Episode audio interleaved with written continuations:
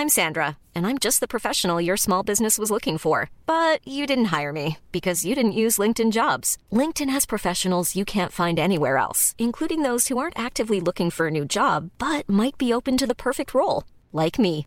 In a given month, over 70% of LinkedIn users don't visit other leading job sites. So if you're not looking on LinkedIn, you'll miss out on great candidates like Sandra. Start hiring professionals like a professional. Post your free job on linkedin.com/people today.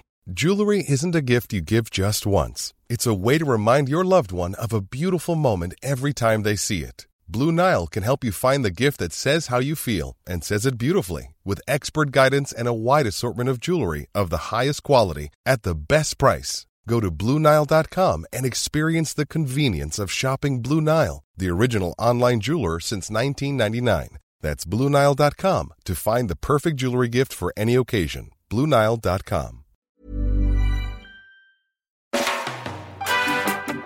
Hej och välkommen till I väntan på katastrofen. Äntligen är vi tillbaka. Jag heter Kalle Zackari Wahlström. Och nu kommer han. Mannen, myten ni alla har väntat på. Alla lyssnares favoritstorebrorsa Patrik Sellman. Hej Kalle. Hur mår du? Ja, jag mår jättebra. Jag har haft en... Eh, ja, det är två grejer får jag väl säga. I helgen så hade vi en potatisupptagardag med familjen. Vi gör ju det där till en familjegrej. Både sättningen och upptagningen. Hjälps Det åt. såg ju otroligt idylliskt ut på Instagram. Jag gjorde det va? Ja. Helt Ja. sjukt. Man blir liksom provocerad.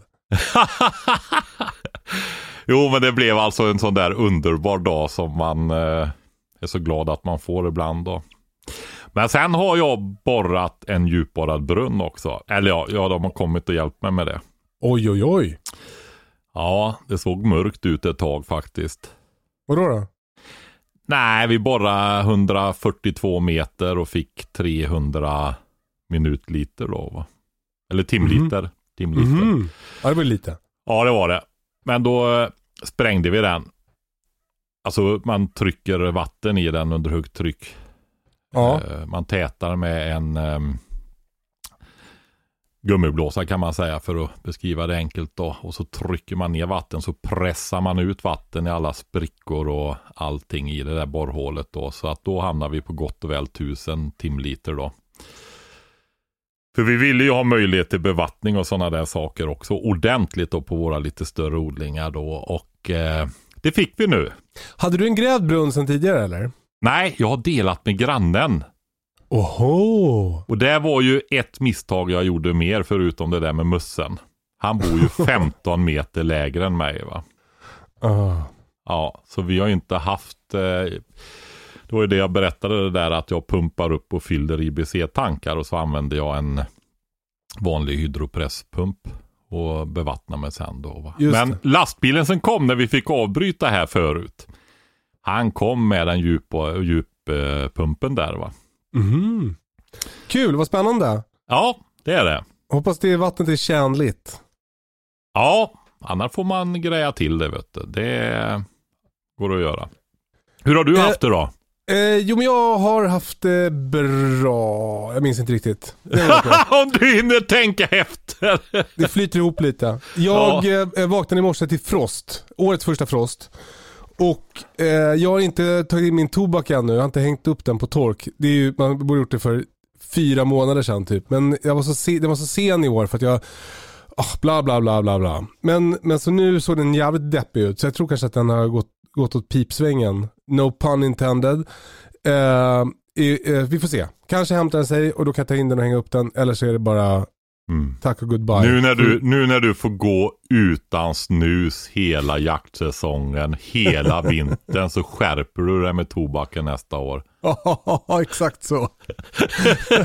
ja, jag har faktiskt ganska mycket tobak, alltså torr tobak, eh, mald eh, kvar från förra året. Så jag, jag kommer nog klara mig hela vintern hoppas jag. Vi får se.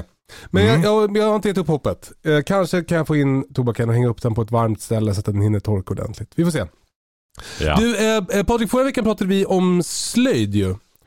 ja. Eh, och det var ju kul, det är ju många som har taggat oss på Instagram och visat upp sina olika slöjdalster. Det är ju kul att det eh, verkar vara en, ett hand, en hantverkstradition som förs vidare. Eh, det verkar vara populärt.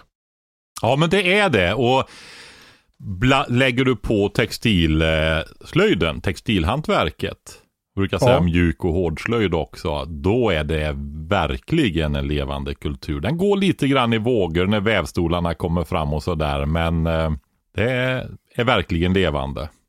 Eh, jag växte upp, då hade, vi hade ju vävstol framme över tid hemma i mitt föräldrahem. Eh, min morsa vävde mycket eh, trasmattor och sånt där. Det var, det var ju, eh, det var ju innan iPaden, så en vävstol var ju typ den mäktigaste lekplatsen som fanns. Ja, en klätter, tillika klätterställning då, eller? Ja men exakt. Det var väldigt fascinerande. Du, eh, vi har fått ett tips från eh, en lyssnare, tillika kompis och jaktkompis till mig. Mm. Eh, s- eh, hans pappa tror jag att det var. Han, han brukade göra så att han slår en, en knut på en björk, en, en väldigt, väldigt ung björk. Ja, Och, och då får han sen ett väldigt bra slöjdämne tio år senare eller någonting. Tyckte det var så himla spännande att, att höra. ja. Vad, det där var slöjdämne till vad? Till slevar då som vi pratade om? Eller Ja men det exakt. Det är väl ett Mm. sätt att skapa en, en missväxt på en björk kan jag tänka mig. Mm. Alltså, du vet att så där gjorde man ju förr va? Man gick ut och skadade träd och påverkade träd på olika sätt för att senare få rätt ämnen. Ett, ett eh, klassiskt sånt sätt det var ju att man eh, skadade eh, längsled. Alltså Ja. i växtriktningen. Och där vallade trädet sen igen. Alltså den bygger igen med ved då. Va? Och då fick du väldigt starkt där och det kunde du till exempel då ha till yxskaft och sådana saker då. Jaha. Så det är ganska ju- långt ifrån vårt äh, allt genast samhälle vi lever i nu. Där man eh, i princip kan få, man kan klicka hem något på internet som kommer nästan samma dag. Eh, att då behöva gå ut i skogen, göra någonting med ett träd och sen vänta år Decennier kanske också. ja, innan det är dags att använda. Det är ju en annan sån grej som man gjorde i vissa bygder att man gick ut och skadade tallar Mhm.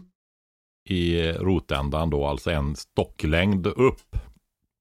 Och det var för att den skulle bilda, alltså man skadade ju eh, barken då va. Och eh, då eh, bildade den väldigt mycket kåda för att skydda sig. Det är ju deras immunförsvar och förband och så vidare. Ni vet, blir det en skada på, på ett träd så blir det kåda där ofta, alltså en tall eller gran framför Just det. Ja. Och då fick du en impregnerad stock som du sen kunde använda när din son hade vuxit upp och skulle ha ett nytt hus då. Jaha. Då höll de stockarna sen va. Ja. Så när de föddes så kunde man gå ut och göra det där så var de lagom impregnerade när de var i 20-årsåldern sen. Alltså nu för tiden så brukar man stoppa in sådär barnbidraget på ett fondkonto som barnet får när det blir 18. Men förr i tiden så gick man ut och skadade träd. Ja det är vackert. Ja,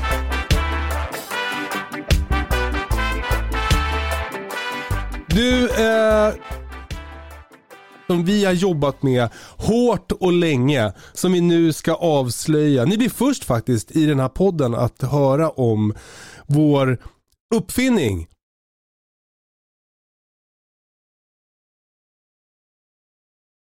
Klang med eh, eh, killarna och tjejerna på Outmeals. Eh, Och för er som inte känner till då, Outmeals gör eh, mat med lång hållbarhet, bland annat till svenska försvaret. Så om man, om man eh, är soldat, då får man Outmeals mat att äta. Man får, de, jag tror de har något som heter stridsportioner, att det är en, en påse med hela dagens mat som, som varje soldat får då.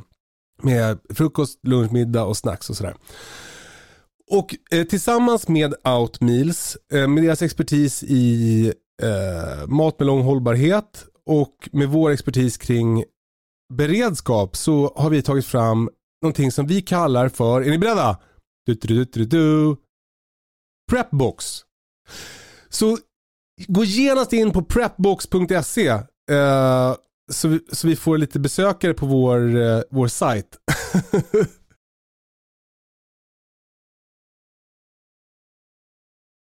Prepbox är en låda med mat Eh, 25 000 kalorier ungefär i varje låda. Eh, och beroende lite på hur många man är i familjen då så räcker det olika länge. Om man till exempel är, ja men två, två pers klarar sig ungefär en vecka på 25 000 kalorier.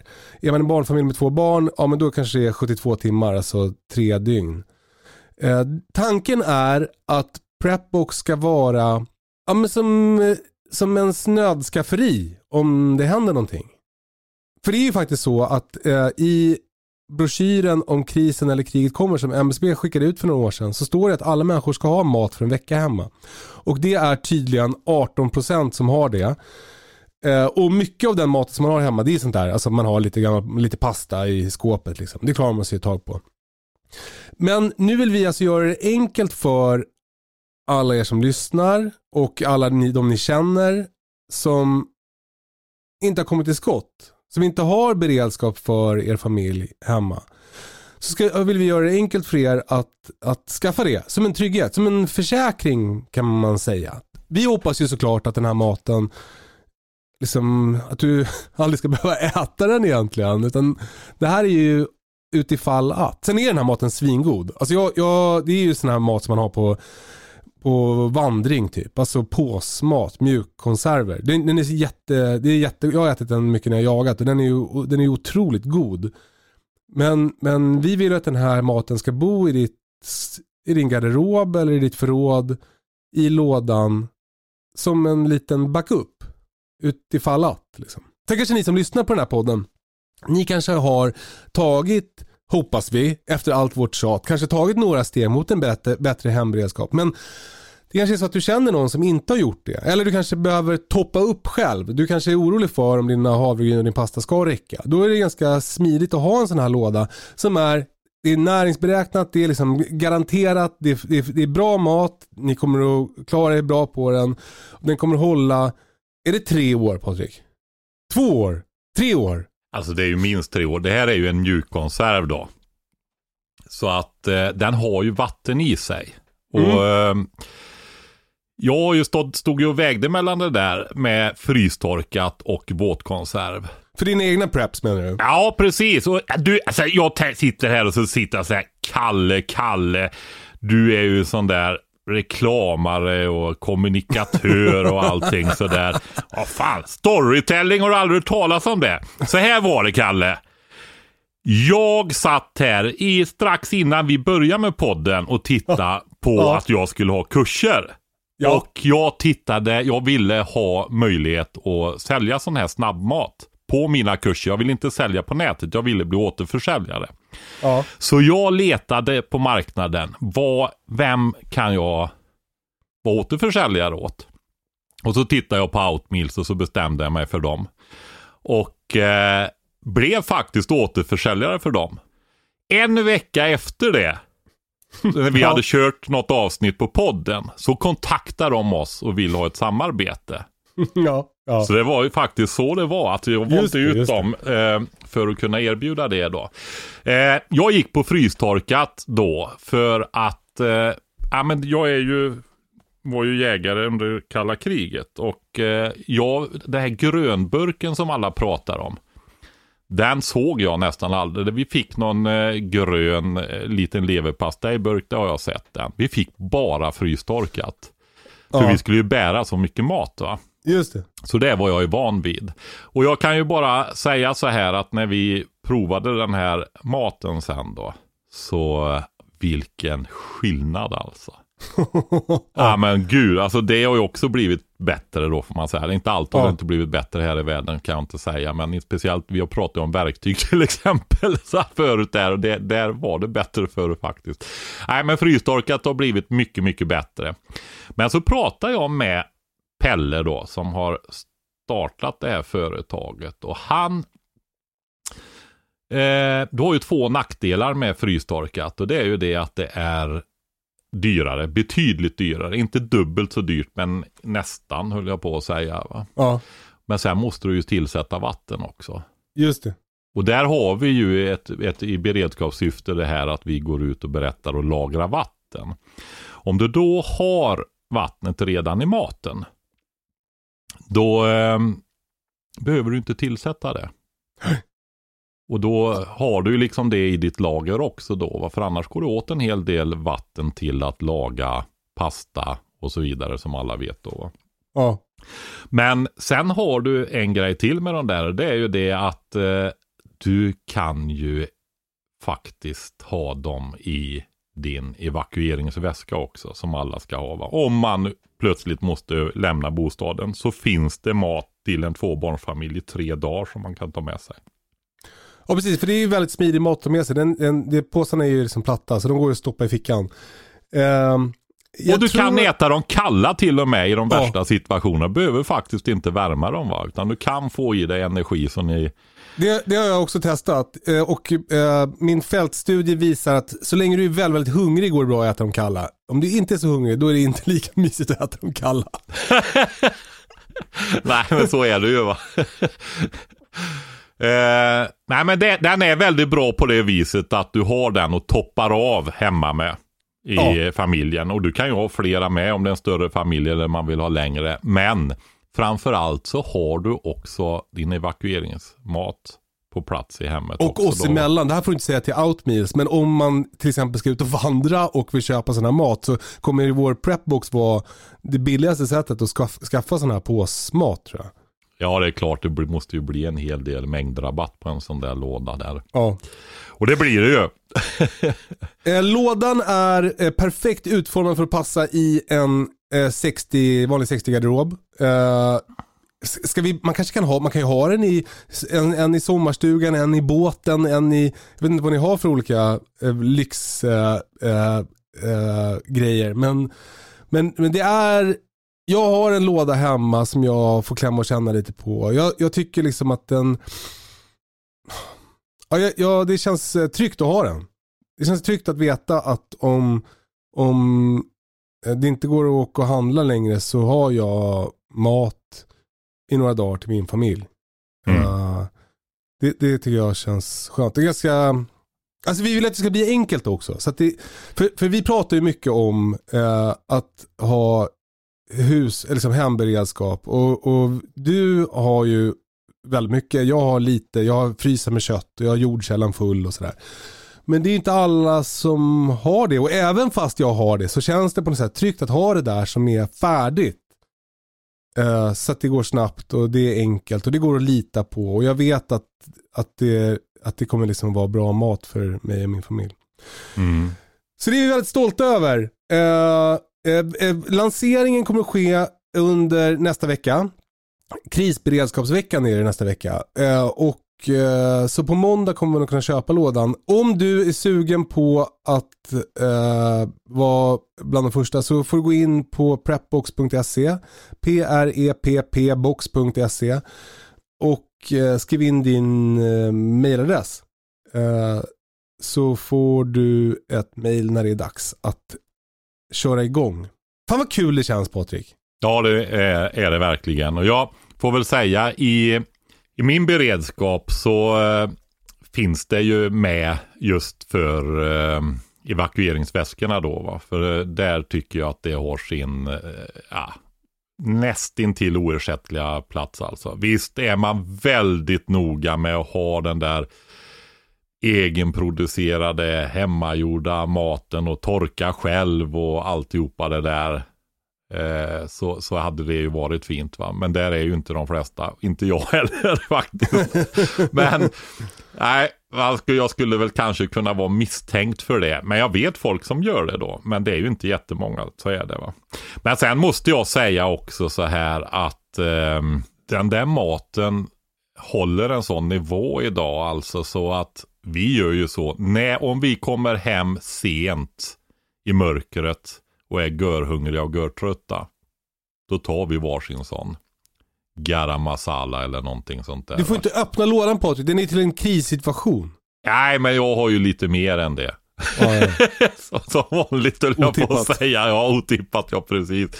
Ehm, eller när vi åker iväg med bilen. Min eh, hustru har ju gått ner lite i arbetstid som lärare nu och eh, hjälper mig bland annat att åka ner till biodlingen i Västergötland som jag sköter där nere. Va? Och då, eh, eh, ja men då stannar vi på vägen Istället för att gå in på macken och köpa tunnbrödsrulle eller någonting så har vi med en sån där istället. Det känns ju bättre, för det här är ju vettig mat liksom. Alltså, jag kan nog inte sätta den bredvid min hemproducerade mat. Och vi brukar vara väldigt noga med den där riktigt höga färska kvaliteten på mat. Vi har ju torrvaror också med linser och bönor och så vidare då va. Men sen är vi ju inga absolutister. Utan eh, ibland köper vi en pizza. Ibland, eh, jag har, visst, genom decennierna har man stannat på hamburgerrestauranger och så vidare också med barnen speciellt va. Eh, och nu när jag har rest så mycket de här senaste sju åren så har ju tunnbrödsrullen utkristalliserat sig då va. Men jag kan säga så här. Jag tar hellre en sån påse än tunnbrödsrullen. Och eh, jag tycker om att köpa en pizza ibland. Men jag byter gärna ut den mot den här chicken garam masala framförallt. Och den ja. tycker jag är, alltså den är ju toppklass alltså faktiskt. Jag kan inte fatta att de kan göra så god eh, mat som konserv och fry, frystorkat var det till och med då. Va? Och, och det är så att eh, om hållbarhet, även om vi säger att hållbarheten är då tre år så, så den håller, så länge påsen inte är skadad så håller den ju. Ja, alltså, alltså de där gränserna, det är ju som med, med andra saker. Att eh, det där är ju för att kunna garantera en viss alltså, smakupplevelse och, och um, näringsinnehåll och sådana saker. Alltså konservburkar eller sådana här kraftiga mylarpåsar då. De eh, som inte är skadade, de håller sig det är ju inte farligt att äta maten efter väldigt lång tid. Men den kanske inte är lika god som den hade varit tio år tidigare då. Va? Just det. Just det. Så, så är det. Men eh, jag tänker mig att eh, jag ser, ser den här produkten då att det här är att man toppar av med den. Du har ytterligare tre dagar på slutet. Om, för en låda för en tvåbarnsfamilj då eller fler om man är färre i hushållet. Och sen har du maten till din evakueringsväska. Och sen omsätter man den så som jag beskrev, som vi använder den. Man tar med sig den som färdkost på en längre resa. Man eh, kan ta den som en, en måltid när alla kommer hem, barnen är griniga, man själv är grinig och så vidare till exempel. Va? Så finns de där och man kan plocka fram dem och ha mat på bordet på några minuter. Va? Och precis, och när vi säger toppa av, det, det förutsätter då att folk har sin, sin beredskap i ordning och det verkar vara ganska många som inte har det.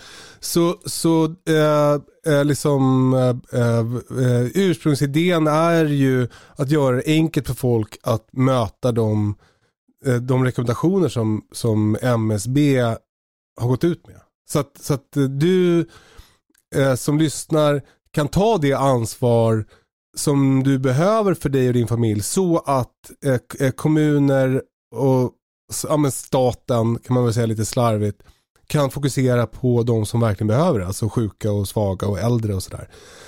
Eh, ja. För som vi har sagt tusen gånger så är det den som är ansvarig för att fixa mat till din familj i, i, i, vanligt, i vanliga tider är också ansvarig i kristider. Det är liksom ingen skillnad. Det är inte så att det kommer komma en, eh, liksom en hemvärnsbuss med tunnbrödsrulle till dig eh, om, eh, om strömmen går lite över tid. Utan det är du som ska fixa det. Och nu mm. har vi mm. gjort det enkelt för dig.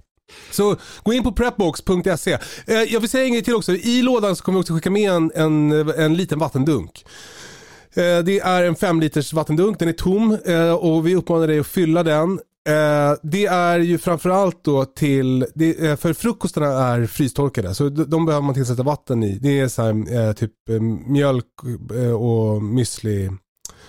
Alltså eh, som god, som grötaktigt. Och till, till, det behöver man vatten. Så, så vi, vi, rekommenderar att fylla den där dunken med vatten. Och också se det som en påminnelse om att du ska ha mer vatten i dunkar lagrade. Men det får du fixa mm. själv.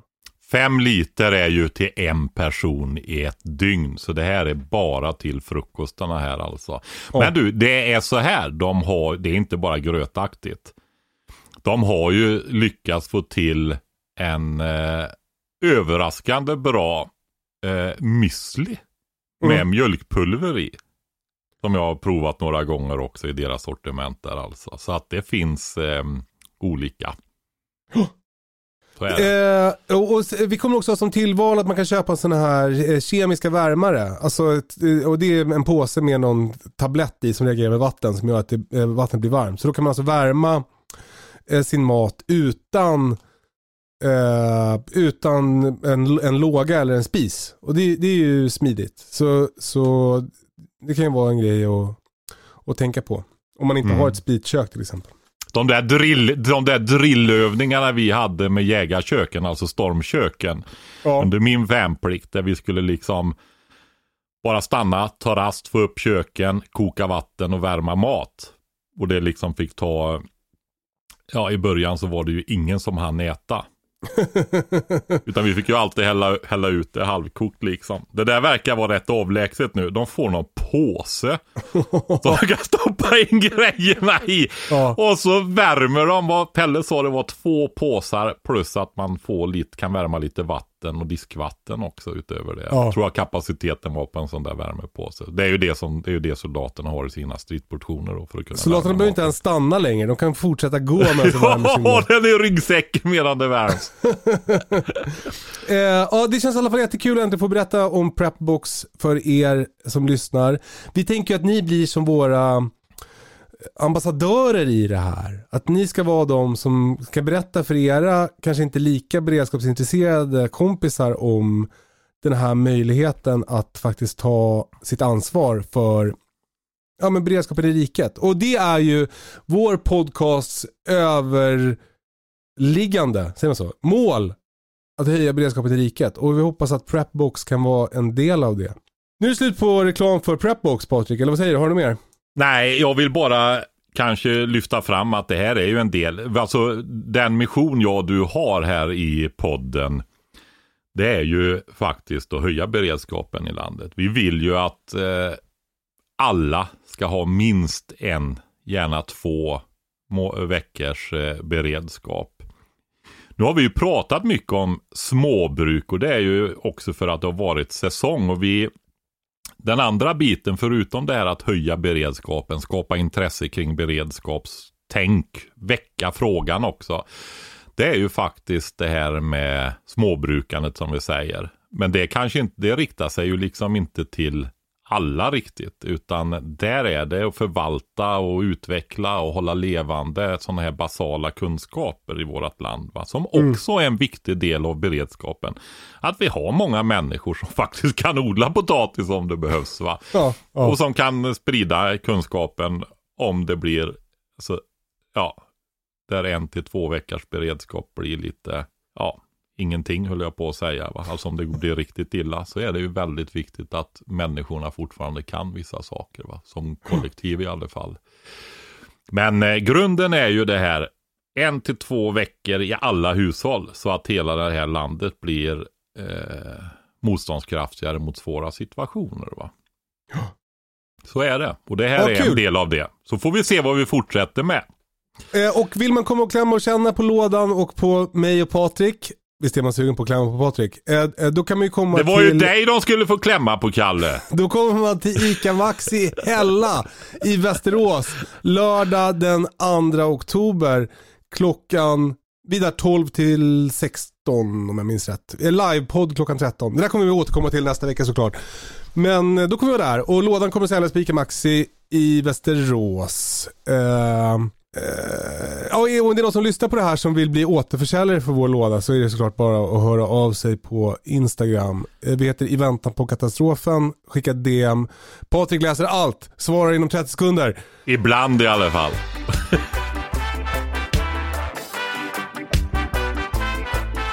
Eh, Patrik, Ja, eh, förra veckan pratade vi ju slöjd som sagt. Och när man slöjdar behöver man ju vassa verktyg. Och då eh, så sa jag, jag minns inte exakt vad jag sa, jag kan inte komma ihåg allt jag säger hela tiden, herregud.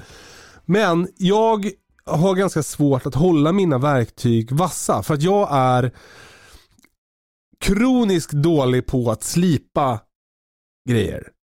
Jag, Mm. eh, I födelsedagspresent när jag fyllde 40 fick jag en jättefin Tormek Bushcraft slip. Så jag har liksom utrustningen för att kunna slipa allt jättevast. Mm. Men jag, jag vet inte hur man använder dem. Nej. Så jag tänkte vi skulle prata om att slipa verktyg. Knivar, saxar, yxor, diamanter, Ogräsjärn, ogräsjärn. sågar, Ja. motorsågar, kedjor. Ja. Ta det från början Patrik Sellman. ja. Ja, Jag sitter ju här helt förstummad alltså. Plötsligt händer det. Nu gör vi ett avsnitt som vi har sagt att vi ska göra avsnittet innan. Jag tror det är första gången. Vi brukar, ja, nästa gång tar vi det där. Och aldrig gjort det. Jag Men försökte händer- i alla fall inför avsnittet att vi skulle prata om något annat, men då sa du vi måste prata om slipning. Och så blev det slöjd istället. Ja. Ja. Ja. Nej men nu gör vi ju det. Ja men vad bra. Jo men så är det med eh, handverktyg. Ja, även, även maskinverktyg måste ju ha vassa verktyg. Klingor Mm. och sånt på cirkelsågar, vedkapar och sådana saker. Va? Och eh, om man börjar där vi var då sist så pratar vi ju om de här slöjdverktygen då, kniv och yxa framför allt, eventuellt skedjärn, skulpar och sådana saker då.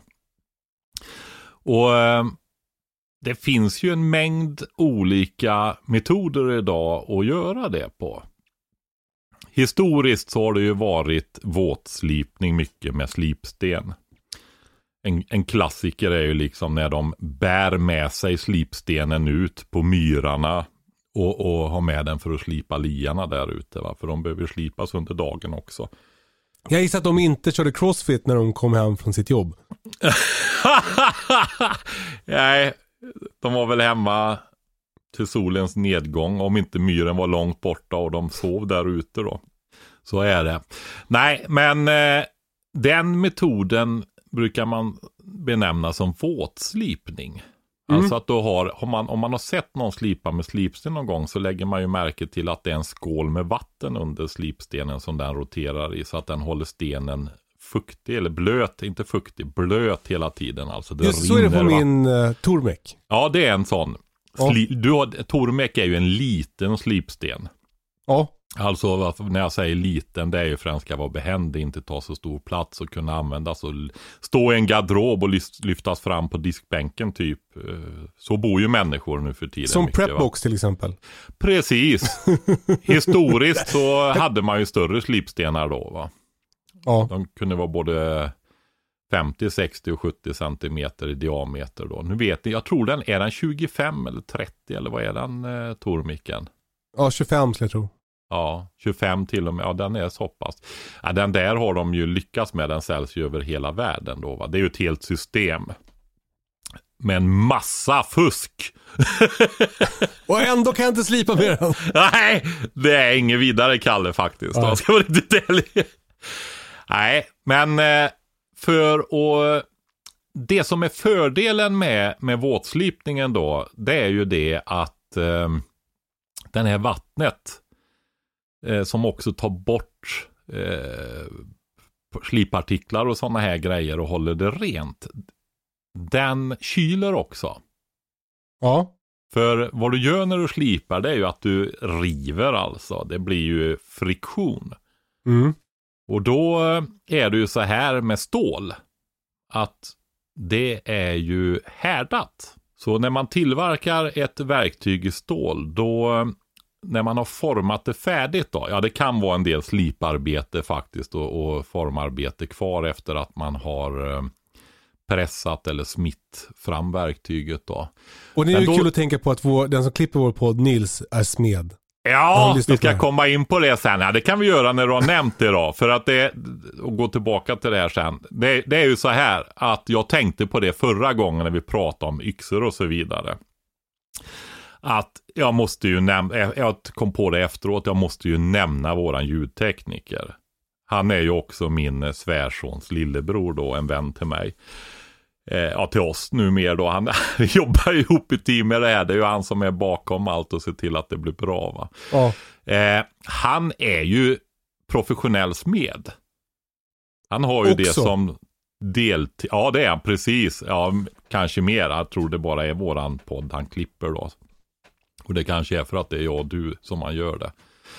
Eh, men han gör ju alltså vi, ha, vi träffades igår och han hade med sig en av sina senaste yxor dit då. En eh, handbila. Alltså det är eh, helt otroligt eh, vackra yxor och verktyg han gör alltså. Eh, och jag sa i förra podden där liksom att ja, man behöver inte köpa en gränsfoss sa jag liksom. För de är ju rätt dyra. Utan det går ju med enkla yxor också. Jag kan väl säga så här att eh, där får du, han säljer ju sina yxor då. Och man kan även titta vad han gör för någonting. Och om man är intresserad av smide och så också så gör han väldigt eh, intressanta filmer på sin YouTube-kanal och sådär. Och allt material det finns ju länkat och så på hans Instagram då som är Nils Ogren. Alltså han är, han är ju inte Nils Ogren, alltså han är inget troll alltså, utan han heter ju Ögren i efternamn. Det är där, därför det står Nils Ogren. Nils ja. Ogren eh, är Instagram-kanalen då. Va? Men eh, jag kan väl säga så, som så här att när han står och smider fram i princip allt utom slipfasen på de där yxorna. Va? Eh, med, med slägga och städ. Så kan jag väl säga så här att eh, ja, det är ju för den som verkligen, verkligen vill ha vackra handgjorda verktyg. För här är ju gränsfors. Det är konstverk Ja, jag skulle säga det. Jag kände ju det när jag tittade på den där yxan igår som han hade med sig. Alltså att eh, nej, han, han, han har ju upptäckt vad han är bra på om man säger ja, så. Ja. Så är det ju. Men, men det blir ju, Gränsfors är ju världsberömda och jättefina yxor som också smids fram med, med, med maskiner mycket och så då. Eh, och är världsberömda också för hur bra de är. Men i det här fallet så blir det ju en annan sak då. Eh, de är lite lågprisyxor i jämförelse då. nu, nu, nu händer det saker Kalle när jag sa sådär, det kan jag lova dig. de har väldigt hög status de där gränsfarsyxorna hos många.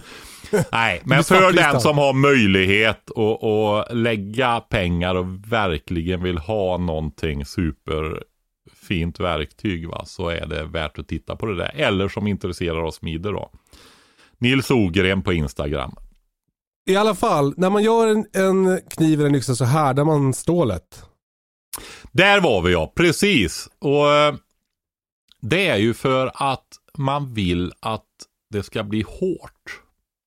Och man värmer, det, beror, det här är ju processer som eh, beror, stål är ju ett samlingsnamn på en massa olika legeringar. Och kol är ju en av dem givna. Så det beror ju på hur mycket kol det är och så vidare. Men man ska ofta upp i runt 800 grader eller någonting sånt där med stålet. Du kan det... lita på mig, du kan lita på mig. Ja, precis. Eh, Ebba Grön ja. Mm. När jag var ute och seglade med segelfartyg i ungdomen, då hade de konsert på Skeppsholmen där vi startade med Falken. Mm. Flottans Gornetter. Så den Men eh, legeringar extra... i alla fall. vi ska inte börja prata segelfartyg nu, jag lovar. eh, det är också intressant nämligen. Eh, nej men 800 grader, en van smed, de ser ju på färgen på det glödande stålet vad de har för temperaturer i det då. När de jobbar med sitt kända material då. Eh, men så kyler man den väldigt fort och liksom låser molekylstrukturen i, i stålet så att då blir det väldigt hårt. Men det blir också väldigt sprött. Mm. Så har du bara ett härdat stål, då kan det gå sönder väldigt lätt. Okej. Okay. Mm. Så då gör man någonting som man kallar för anlöpning efteråt. Och det är att man värmer upp. När man då har kylt det här fort, vissa stål går bra att kyla och doppa i vatten. Om ni har sett någon som på film eller något så doppar de det de har smitt i vatten och så ryker det mycket. Ja, precis. Eller också är det vissa kvaliteter så är det bättre att doppa i olja. Mm. Mm. Och då börjar det brinna ibland. När man då ska anlöpa det här, då kan man också jobba med färger och eh, titta på det. Ofta violetta toner och sånt där. Eh, men ofta så använder man ju ugn nu för tiden. Och här pratar man väl, om jag inte minns helt fel, 300 grader kanske. Jaha. Och då strukturerar molekylerna om sig lite igen då och blir inte lika spröda. Så då blir det lite hårt och segt kan man säga då. Va? Och det är det vi eftersträvar i den här typen av verktyg då. Och många andra grejer också. Okej. Okay. Men det betyder också det att om du då slipar utan, med en annan metod. Eh, sliprondell till exempel eller någonting. Slipskivor, smärgelskivor som det heter också då va. Då har de går ju väldigt fort och där kan du ju liksom avverka jättemycket på kort tid. Ja. Eh, de går också att använda eh, vid slipning av verktyg. Jag använder faktiskt det just till hyvelstål och stämjärn då. När jag okay. slipar dem. Jag använder olika metoder till olika saker då. Eh, ja, men man får ju vara oerhört försiktig för det blir ju friktion. Och här finns inget vatten som kyler och sådär. Och så i början när man börjar med metoden, ja då blev det, då såg man ju, då blev det ju violett va. Och vad du har gjort då, det är ju det att då har du förstärvat den här hårdheten i stålet va. Aha, så då, då du... kommer du skadas lättare nästa gång? Ja, men precis. Du är, är, skärpan håller inte va? Det där är intressant, för det där stötte jag på när jag försökte lära mig, ja, när jag köpte gården så ingick det ju en massa verktyg. Bland annat så fanns det en eh, slipmaskin för eh, motorsågskedjor. Ja. Och eh, den har jag bråkat med ganska mycket. Och det var exakt det där som hände mig då. Att, det blev, eh, att jag förstörde kedjorna för att jag slipade för hårt. Liksom. Eh, man ska mer dutta med en sån slipmaskin för att det ska, inte ska, man ska förstöra, förstöra legeringen ja, vill jag säga. Du underhållslipar ju en kedja, kedjesåg då till ditt uh, kedjesågverk, alltså en motorsågskedja som du uh, pratar om här. Oh. Och sådana maskiner är ju för att det ska gå fort och bli oh. precis. För att du behöver ha en väldigt jämnt sågad kedja där också så att du när du klyver en stock om den inte är jämnt eh, eh, filad eller slipad då, då drar den ju iväg i trät va. Det blir ojämnt och då får du ju inte en jämn och fin bräda ut där va. Ja just det. Mm. Så det är extra viktigt där och så att där använder man ju ofta maskin och det är också i och med att du behöver eh, slipa så mycket så blir det ju en tidsaspekt på det där också då. Men ja. den ska du ju alltså ställa in. Den har du ett, ett eh, ja, det är ju en skruv eller någonting som tar i så när du kör in den på ett ställe så ska ju den där skruven se till att det precis bara blir en liten dutt, dutt. på någon tiondels millimeter som du slipar där i varje ja. tand va. Hade du ja, det blir i alla fall tydligt för mig att, att uh, slipar man för hårt så fördärvar man stålet. Ja, nu är ju just sågkedjor väldigt mjuka ska sägas då. De är ju mm. det. De är ju lättfilade. Den, där har du ju den tredje metoden då. Vi har ju pratat om det nu. Vi har våtslipning och torrslipning då med och där, där, där har du ju de här smärgelskivorna, de här maskinerna som har um, keramik, eh, runda keramikstenar som snurrar väldigt fort. va. Ja. Och sen har du bandslipen där också. Det är ju alltså ett slipband. Det vet jag bland annat Nils använder väldigt mycket. Och det är många som använder även till att eh, slipa verktyg idag som gör det lite mer. Jag kan tänka mig att många av de här företagen som eh, slipar knivar och så, de kör nog med bandslip idag. Men okay. det, det, är vad jag tror. Jag faktiskt, jag, ja. Jag fick lära mig en kompis som jobbar med att underhålla trädgårdsmaskiner. Han, han förordade eh, eh, som en sliprondell till en vinkelslip när man slipar skär till gräsklipparen. Mm. Precis. Det är nog ganska vanligt och de är ju inte något jätteprecisionsarbete på heller egentligen. Va? Nej. Om du jämför med ett, eh, ett hyvelstål eller någonting sånt där. Eh, nej men den tredje metoden är faktiskt filning. Med en mm. metallfil mm. helt enkelt. Då. Och det är ju den vi använder när det gäller eh, kedjesågar då. Och där har du ju runda filar av rätt storlek. Och det man behöver känna till där. Jag, jag tycker ju att har man en motorsåg. Ta den lilla tiden och lär dig att fila kedjan för hand utan en massa jädra skit runt omkring och krångel. Eh, det är inte så jättehög tröskel att få det här att när man tittar på tanden där, den är ju ofta mörk och så vidare när du har sågat ett tag med den. Och börjar du fila så blir det ju blänkande och rent va. Och eh, det du behöver få in är ju motoriken att du faktiskt kan föra handen och filen efter en rak linje i den vinkel du ställer in. Va? Och det där lär man sig ganska förvånansvärt fort. Säkert olika svårt för olika personer men jag är ju inte den extremaste kroppsmänniskan om man säger sådär liksom. Det vet jag att det är många fort, som mycket fortare än mig lär sig göra Ja, men mer avancerade rörelser och så vidare. Va? Så att eh, jag, jag, är väl inte topp på den skalan i alla fall. Va? Och jag lärde mig det relativt fort. Och du menar slipa utan jigg då? Absolut, absolut.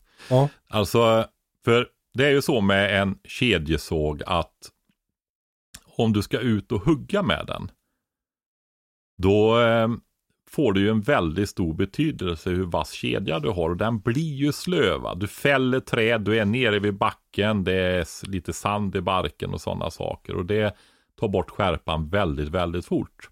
Ja. Så eh, när jag lärde mig hugga, och det gjorde jag utav två vänner när jag fällde timret till huset här då. Va? Som vi byggde i början på 90-talet. Då hade jag två skogshuggare med mig ut. Alltså de turades om för att det tog ju ett tag. Va? Mhm, mm. Ehm, och då lärde de mig fällning, kvistning, brossling. Eh, gör man med brossling, det är hur du tänker med när du placerar timmer och sådär för att det ska vara lätt att, att ta ut det ur skogen sen då. Va? Och det var, förr var det ju extra viktigt när du körde med häst då. Just det hur du lägger upp det och hur, hur, hur man tänker när man fäller så att det hamnar rätt. If you thought the only way to get a more defined jawline with natural looking results was through surgery, think again. Juvederm Volux XC is a non surgical injectable gel filler that improves moderate to severe loss of jawline definition and can help you achieve natural looking results with little downtime. Even better, this improved definition lasts up to one year with optimal treatment. No maintenance required. Improve jawline definition for a smooth, sculpted look with Juvederm Volux XC. For important safety information and to find a licensed specialist, visit juvederm.com. That's J U V E D E R M.com. Not for people with severe allergic reactions, allergies to lidocaine, or the proteins used in Juvederm. Common side effects include injection site redness, swelling, pain, tenderness, firmness, lumps, bumps, bruising, discoloration, or itching. There's a risk of unintentional injection into a blood vessel, which can cause vision abnormalities, blindness, stroke, temporary scabs, or scarring. Talk to a licensed specialist to find out if it's right for you. Hi, I'm Daniel, founder of Pretty Litter. Did you know cats tend to hide symptoms of sickness and pain? I learned this the hard way after losing my cat, Gingy. So I created Pretty Litter, a health monitoring litter that helps detect early signs of illness by changing colors, saving you money and potentially your cat's life. Pretty Litter is veterinarian developed, and it's the easiest way to keep tabs on your fur baby's health right at home. Go to prettylitter.com and use code ACAST for 20% off your first order and a free cat toy. Terms and conditions apply. See site for details. Hey, it's Ryan Reynolds, and I'm here with Keith, co star of my upcoming film, If, only in theaters, May 17th. Do you want to tell people the big news? All right, I'll do it. Sign up now and you'll get unlimited for $15 a month in six months of Paramount Plus Essential Plan on us. Mintmobile.com slash switch. Upfront payment of $45 equivalent to $15 per month. Unlimited over 40 gigabytes per month. Face lower speeds. Videos at 480p. Active Mint customers by 531.24 get six months of Paramount Plus Essential Plan. Auto renews after six months. Offer ends May 31st, 2024. Separate Paramount Plus registration required. Terms and conditions apply if rated PG. Ja, där har du sådana aspekter som att du också får bra arbetsställning och sånt där när du fäller träd och sådär. Va? Så att du inte ställer till det utan att man, det är mycket planeringsarbete när du fäller fler träd på samma ställe då. Va? Ja, det är planeringsarbete när du fäller ett träd också. Det är ju det som har med säkerhet och, och det att göra och varför vi Det, har det där, har jag lite, där har jag lite kvar att lära känner jag.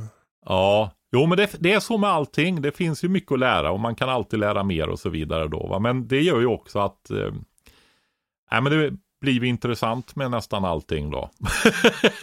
Ja, ja. ja, nej men eh, så är det. Och eh, det är ju, då lärde de mig det att eh, nej, varje gång du tankar, du vet det är ju inte så stor tank på en motorsåg. Och går du och fäller och kvistar träd, ja vad, vad tog det? En kvart, halvtimme så var ju tanken slut va. Och då filar man några tag, ett par tag på kedjan. Varenda gång du tankar. Åh jävlar. Dricker lite vatten, låter det svalna lite, filar, kör igen. Vilket slit. Nej men alltså när du gör det, det är det jag menar med läder, fila, du bara tar fram den där filen ur, ur, ur bältet och så, ja men det tar ju inte mer än några min, enstaka minuter att göra det där va. Nej. För då har du den där riktigt vassa sågen som biter hela tiden. Som gör att du kommer att fälla många fler träd. Alltså den lilla tiden du lägger på filningen. Där sparar du så oerhört många gånger om. I hur bra kedjan biter. Hur mycket lättare. Du kommer ju orka jobba längre. Med en Ja. sån eh, vass kedja hela tiden. Va? Så det är så man gör. Alltså det jag oftast ser när jag träffar folk som har någon motorsåg som de kapar lite ved och så vidare med. Det är ju liksom att de står där med den där och det ryker när de använder den. För friktionen är så hög när de gnider av virket va. Sluta subtweeta mig på. Nej men alltså och sen så har de ett par tre kedjor som de kan byta ut med. Och så åker de till någon som slipar dem med en sån där maskin som du nämnde som man Hörru, jag, jag gillar inte hur Kedjor. du pratar om mig. Så- Exakt så. Jag har göra, jag har fått göra skruvar så har jag en liten etikett ovanför där det står slö och vass. För att jag är också lite dålig på att känna om de är slöa eller vassa. Så försöker jag hålla ordning. Ja, för fan. Ja, men det där, alltså om vi pratar eh, kedjesågverket, då är det ju så man gör där va.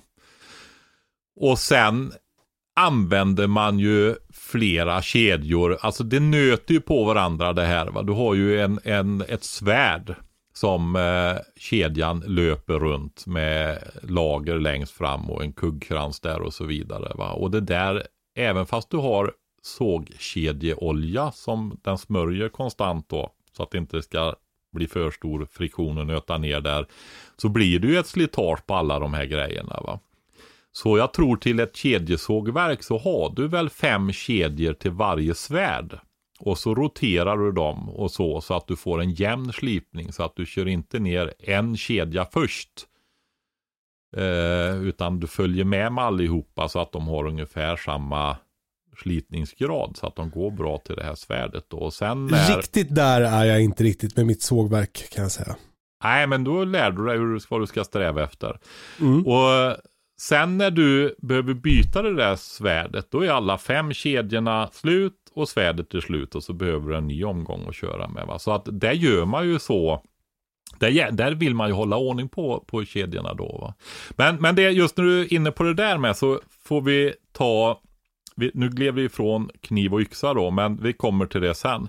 Eh, du filar ju en sån kedja lite annorlunda när det är till ditt kedjesågverk. Därför att då sågar du ju längs med fibrerna istället. Du klyver istället för att kapa. Kapar du tvärs ett, eller sågar du tvärs ett träd, då kapar man ju av fibrerna va. Just det. Men du klyver ju längs med. Ja. Vet du vad det är för skillnad? Jo, det vet du.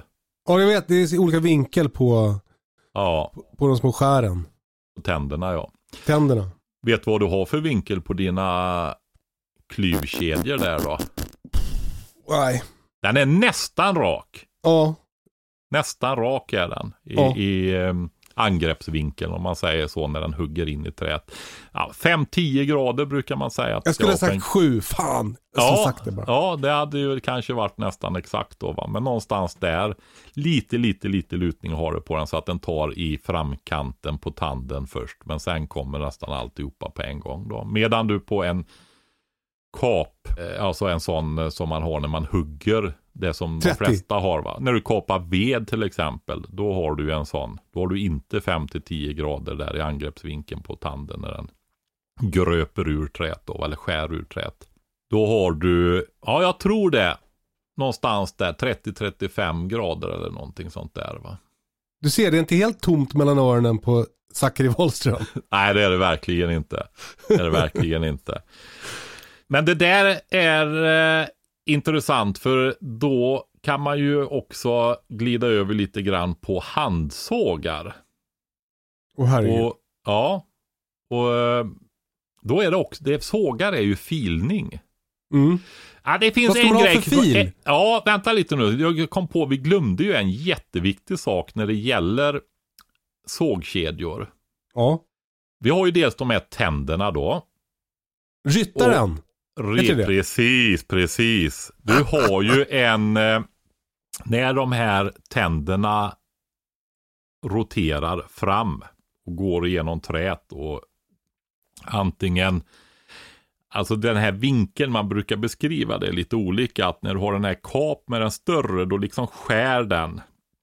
Medan den andra som är nästan rak, det blir ju nästan som en hyvel. Mhm. Ja, så eh, eller ett stämjärn nästan när du sågar längs med fibrerna då. Va? Så där fungerar det med handsågar med. Men om du har klyv eller kapsåg. Och eh, ryttaren där ja, då är det så här att för att du ska få lite kontroll över det här med hur mycket du avverkar i träet så att du liksom inte bara gräver ner sig för fullt ut och du fastnar med sågen eller den slits ur händerna på dig utan då vill man ju ha en speciell spåntjocklek. Mm.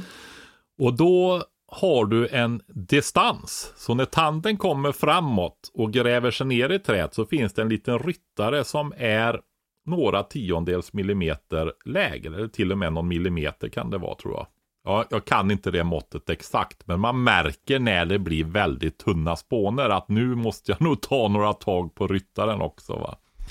För den, Den filar... håller liksom emot då så att, så att du gräver ner, så att eh, eh, tanden gräver ner sig tillräckligt mycket. Ja, du kan ju tänka dig att tanden kommer och tar bort en spåna.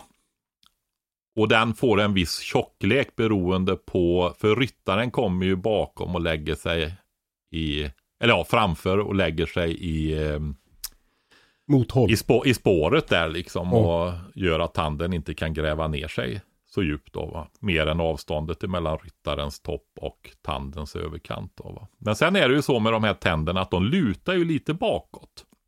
Så efterhand som du filar på dem så blir de ju lite lägre för varje gång va. Och det gör ju att avståndet mellan den här distansen, ryttaren då, och överkanten på tanden, den minskar. Så ibland måste man ta några tag på de här ryttarna så man får ner höjden på dem lite grann. Och ska man ha en, en skön såg att jobba med så är ju en av konsterna när man filar då, det är att man tar lika mycket överallt. va. Så att inte du har olika tänder som är olika höga och ryttare som är olika och så vidare. Utan att den är i harmoni den här klingan. Va? Och det gör ju det att skadar du någon tand, ja då får du fila ner mycket på alltihopa. Va? Så är det. Så det gäller Kanske man köper en ny istället. Alltså de är ju, ja, dy, de är ju jag tycker det är rätt mycket pengar i sågkedjor så att man ska vara rädd om dem. Och sen är det ju så här också att vi pratar ju beredskap med så har man motorsågar som är fantastiska verktyg om man jämför med och om man är ovan vid handsågar och sånt där. De fle- flesta har ju inte några sådana här riktigt fina handsågar heller. Så eh, ska man ju vara väldigt rädd om sina kedjor alltså. Ja. Vår, vårda dem ordentligt. Det är ju samma när du har en ved kapar motorsåg eller fällsåg, huggarsåg. Så är det också så där att du roterar svärd och kedjor. Men där Det- provar man ha lite tre eller fyra kedjor till ett svärd. Ofta. Jag hörde en ganska, ett ganska smart eh, trick. Det är att när man har eh, sågat klart och man gör en lite liksom, större genomgång av sågen, att man gör rent den och sen när man är klar, att man då vänder på svärdet så att det hamnar åt andra hållet. Ja, det måste du göra. Och för annars så Eh, slits det ojämnt. Och i en sån här, nu kommer jag faktiskt inte ihåg det här, det borde jag göra och jag kommer väl att fräscha upp det här nu för jag ska faktiskt, det är en av grejerna som är på listan nu att ehm, det, jag har två sågar då, en 40 kubik, en liten smidig en och sen en eh, 60 kubikare faktiskt som är, ja den går att använda i underkant till att eh, klyva stockar med. Men det är ju en V-kap kan man säga också. Den, Mm. bit, den biter, och bra vridmoment och grejer när man ska kapa stora ved, vedstockar och sånt där då va. Men eh, du har det här med drevet också. Det sitter ju på den här axeln som går ut ur motorn så sitter det ju ett, en- ett, ett kedjedrev då va. Ungefär som på en moped höll jag på att säga. Men det sitter ju en där och den nöts ju också. Och jag undrar om jag inte det här tittar bakåt i tiden. Alltså ett drev, två svärd och om det är sex kedjor eller någonting sånt där. Va? Så byter du alltihopa sen. Va? Mhm. För då, då, och då använder du ju, byter du, när du har kört ett svärd, vänd på det, ja då tar du det andra svärdet, kör det, vänder på det och så går du till första och så byter du kedjorna kontinuerligt. Och när du har kört igenom det här, då byter du drevet också sen. Va? Eh, Förordar du att man ska ha sådana extra drev hemma till sina motorsågar alltså i sin beredskap? Alltså, det är ju det här att vi pratar ju om hela bredden va? och eh, vi börjar ju någonstans vid en till två veckor och, och, och jag tänker i vinter ska vi prata mer om det där lägenheten, villan. Mm. Eh, för nu har vi ju varit i småbrukar högsäsongen kan vi väl säga. Va? Mm. Att, och, och där ligger ju någonstans då, om man pratar beredskap, ett långtidsperspektiv. Det är ju liksom ingen idé att ha ett morotsland om man har en ambition om en beredskap på en till två veckor eller knappt en till två månader då. Va? Just det. Eh, så är det ju. Men eh, en sån med det perspektivet som jag har. Jag har ju allt ifrån att kunna stanna vid en trafikolycka efter vägen och hjälpa någon.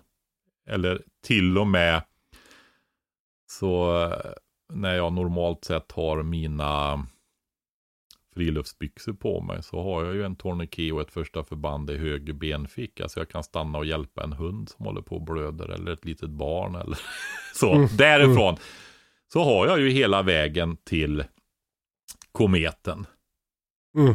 Till atomvintern eller kometvintern eller Hur skyddar man sig mot en komet? Hjälm eller? Nej, men det är ju alltså... Ja, alltså Nej, det, en annan gång, nej, Precis, vi skiter i det. Men det är ju det att det blir jädrigt kallt och det går inte att odla på hela planeten och sådana där grejer på flera år kanske och sånt där. Va? Just det. Men du kliver ved som om inget hade hänt. För du har en väloljad motorsåg med reservdelar.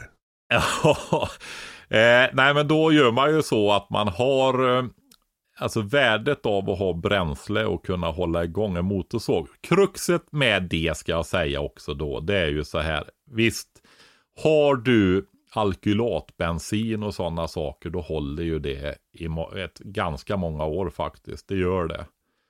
Men det är ju ändå så att om du inte jobbar med motorsågen så. Eh, alltså det du omsätter inga vansinniga mängder med bensin. Jag tycker de drar väldigt lite de där. Jämfört Mm. med vad du får för arbete utgjort ur dem.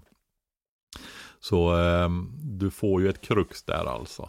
Men eh, man behöver ju ha i alla fall en eller två uppsättningar. Det tycker jag utav det där. Va? Till sina motsågar. Du, det var det här med filarna då. Vad är det för filar man ska ha? Ja, det är ju rundfilar och det är just till kedjor då så beror det ju på storleken på kedjan. Så eh, har du en mindre såg så behöver, har du en, nu kommer jag inte ihåg vad är det för dimensioner på dem, men det är ju lite, det är inte så viktigt. Det är olika dimensioner på dem och har du dem mindre, ja då har du en, en mindre fil med mindre diameter. Får mindre radie på den här eh, filningen då. Va? Och har du en större såg med en större kedja, då får du ha en lite fetare, lite större diameter på rundfilen då. Sen behöver man ju en liten eh, ansatsfil typ som man kan, en, eh, en platt, en flatfil då kan man säga, som du kan ta ner eh, ryttarna med lite grann också till en. Den brukar ingå i en huggares utrustning också då. Och hur, liksom, hur grov eh, kornig ska filen vara?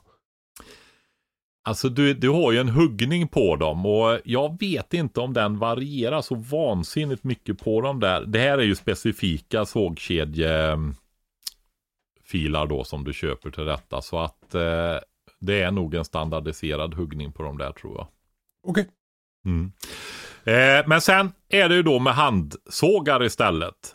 Och det är ju jätteintressant om man är en sån här som tittar på längre perspektiv och sånt också då. Mm.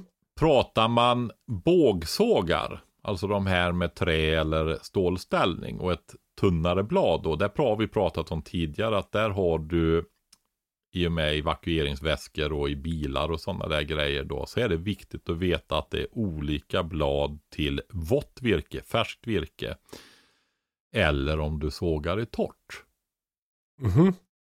Eh, och det har ju med att det våta virket, det liksom kletar ihop i sågen så att den tar ingenting helt enkelt. Så den är utformad på ett sätt att den för med sig de här våta spånerna ut ur då, ja, sågspåret då.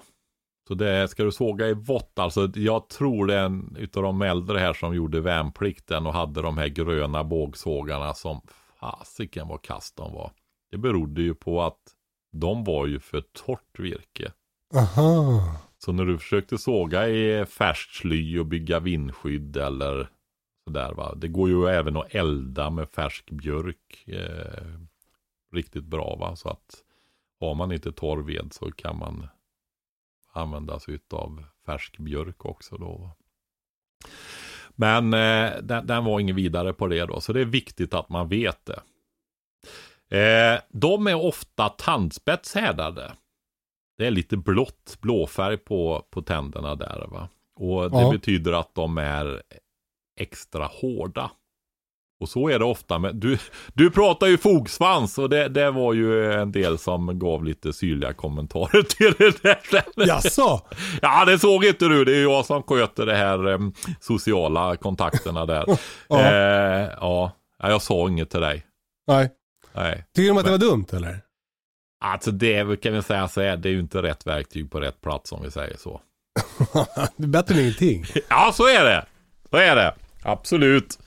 Eh, de är ju om du köper dem liksom på eh, Brädgården och Järnbolaget och så vidare så är de nästan alltid tandspetshärdade. Och det är ju därför att det är ingen som kan fila en såg och ingen som vill fila en såg. Ingen har tid. Det är så billigt att köpa de här fogsvansarna och sådär va. Och då har man gjort så att tänderna ska hålla sig vassa så länge som möjligt. Innan Men- man byter ut den helt enkelt. Ja, då kastar du den sen. Mm. Därför att den går inte att vässa helt enkelt eller fila. Men har du för när man använder sig av handverktygen mer professionellt då. Visst, du kan hitta en sån där tandspetshärdad på en byggarbetsplats idag med. Men när du använder den i, då var ju, det fanns ju hyvlar, sågar som var specialutformade till varje uppgift. Mhm.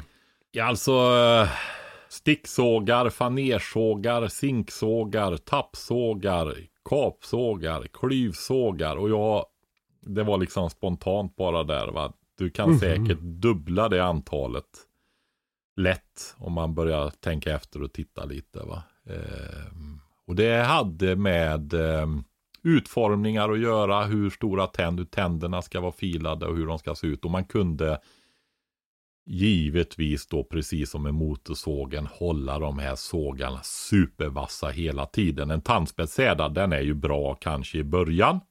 Och så är den bra lite längre tid än en som går att fila.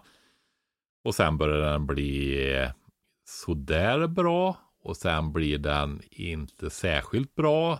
Ja, och till slut är den sådär så att det ryker om du kör, sågar tillräckligt fort. va? Alltså du gnider av träet och den är kass. Och det, mm, så är det. Och då får du kasta den va. Men om Ja. du då arbetade med detta förr och skulle klyva ut virke ur en större tjock bräda. Du kanske behövde klyva ut två meter och stod och handsågade det va.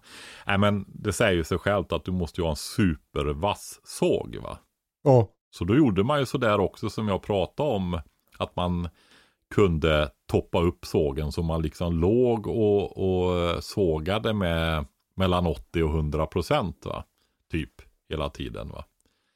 För den blir ju lite slöare så fort du använder den givetvis då men så låter du den inte bli slöare än kanske 80 procent och så går du upp till 100 igen så du ligger och jobbar effektivt hela tiden då. Och hur Anna- slipar man då en handsåg? Ja, Där har man, när vi pratar den typen av sågar som jag kom in på nu, till mer eh, finsnickeri och sånt där. Då har du trekantiga filar. Som sågfilar då. Och eh, där har du, precis som med kedjesågen, så har du olika vinklar om den är eh, filad för kapning eller klyvning då.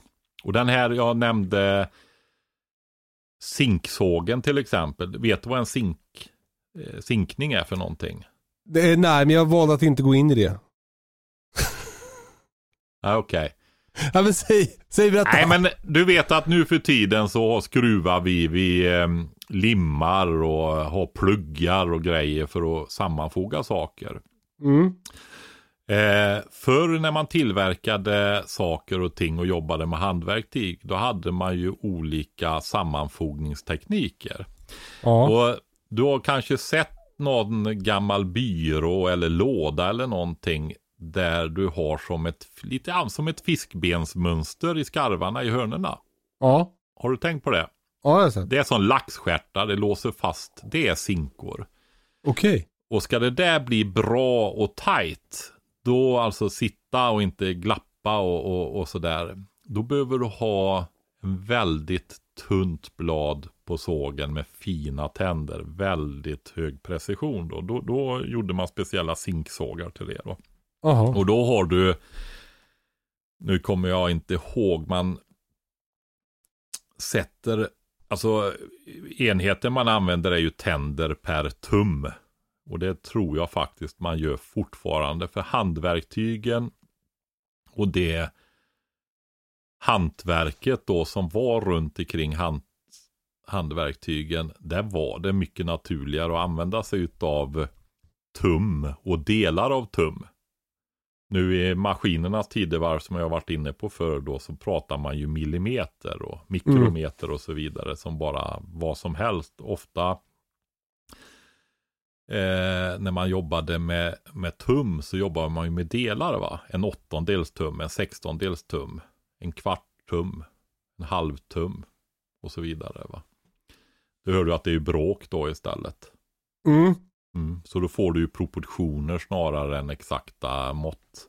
Ja, ja, ja. Smart. Så, ja, och det var ju kopplat till människan och kroppen istället. Va? Alltså det är en extremt stor förändring mellan det här som jag beskrev när vi pratade jordbruk och odling och sånt där. När vi hade människan och redskapens kultur. Vi skapade natur som hade mer mångfald än naturen själv. Och när vi gick över till maskinerna så närmade vi oss öken nästan. va.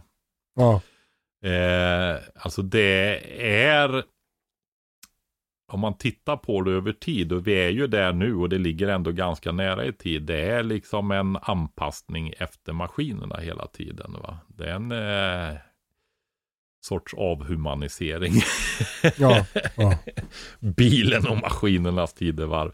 Sen har vi fått mycket tack vare maskinerna också givetvis. Då, men att man det är större förändringar än vad vi tror säkert där. Va? Men en trekantig fil i alla fall använder man för Ja, att slipa det är det. sågen. Och Mm. eh, du har en filklav så att du kan sätta sågen igen och den klämmer åt eh, nära tänderna då på det här sågbladet så att du har stabilt och fast när du filar då. Men sen behöver man ju med den också se till att tänderna är jämna.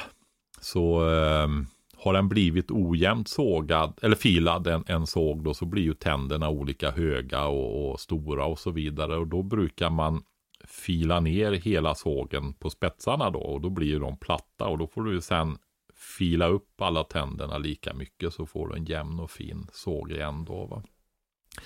Men sen är det ju skillnad på en handsåg. För där har du ju, om vi tar, om vi tar fogsvansen då, den här breda plåten liksom som de flesta känner till och har sett. När någon släkting har stått och handsågat och så vidare. Så är det ju en plåt.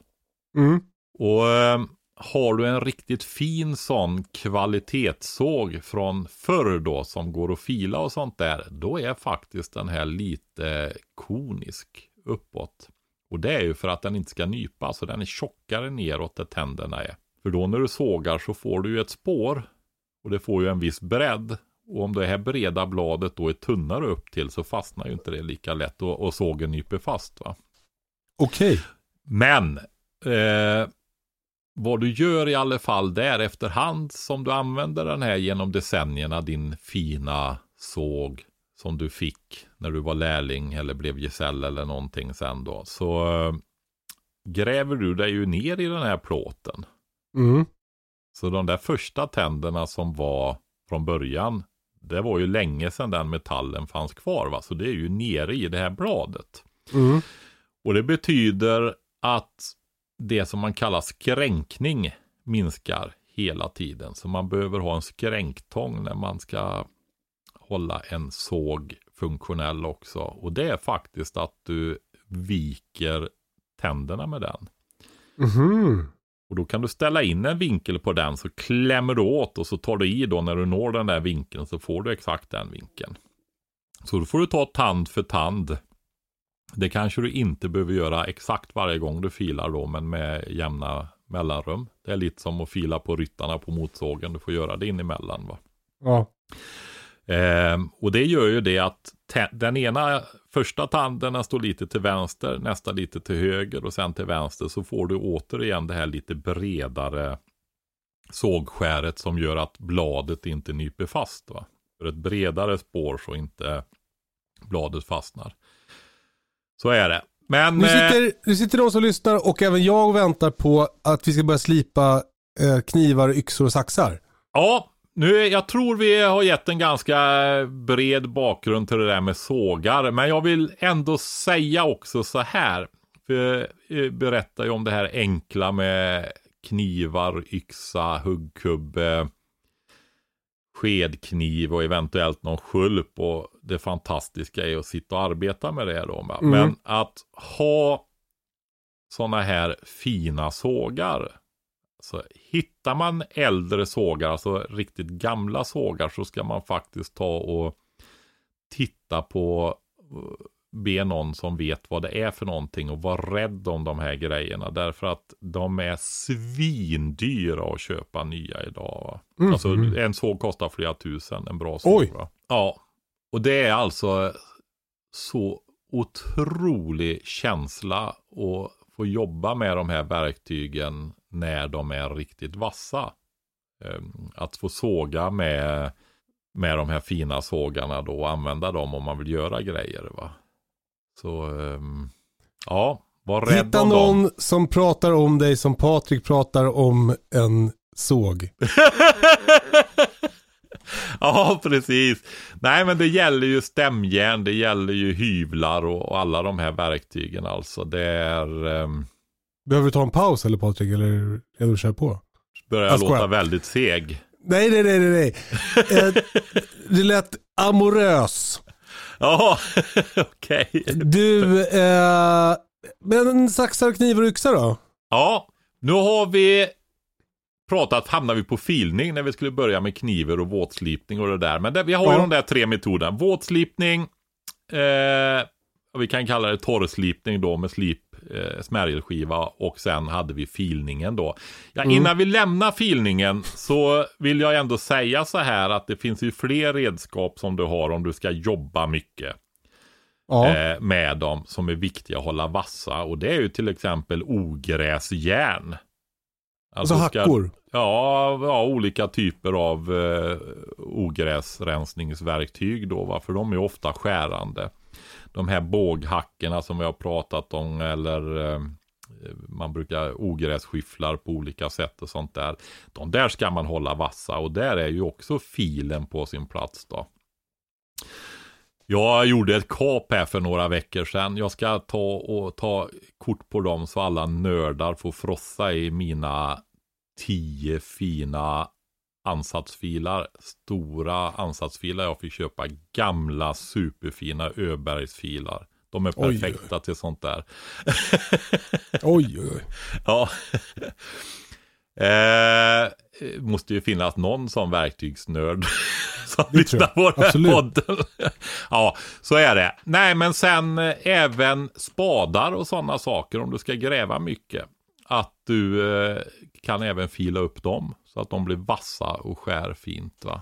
Det är åter det där att hålla sina verktyg i trim om du ska eh, använda dem mycket och det betyder någonting, alltså professionellt och så vidare. Så gäller det att hålla dem i form så att du kan arbeta så effektivt och enkelt och smidigt som möjligt. Då, va? Så Som att filen bryter är- av skaften hela tiden som jag gör. Ja, filen är ett riktigt prepperverktyg alltså. Jag kan säga så här. Det finns en liten ansatsfil i våra evakueringsväskor. Jaha.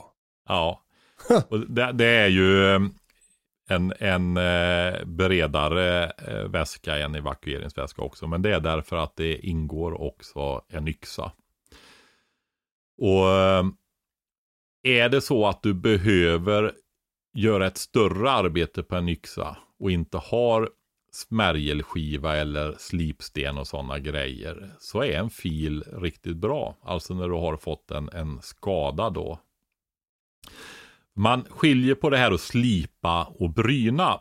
Slipa det är en grövre bearbetning. Då det är ofta för att få bort hack och sånt i äggar då. Både på knivar och stämjärn och yxor och, och sådana grejer då. Va? Då slipar du. Då avverkar du mycket material. va. Eh, fördelen med vatten då. Det var ju det att den kylde, men den nackdelen är att det går långsamt istället. Va? Det tar tid att slipa med en eh, vattenkyld slipsten då. Och en smärgelskiva går fort, men där kräver det att vara lätt på handen och verkligen veta vad man gör. Va? Mm. Jag föredrar ju våtslipning själv då.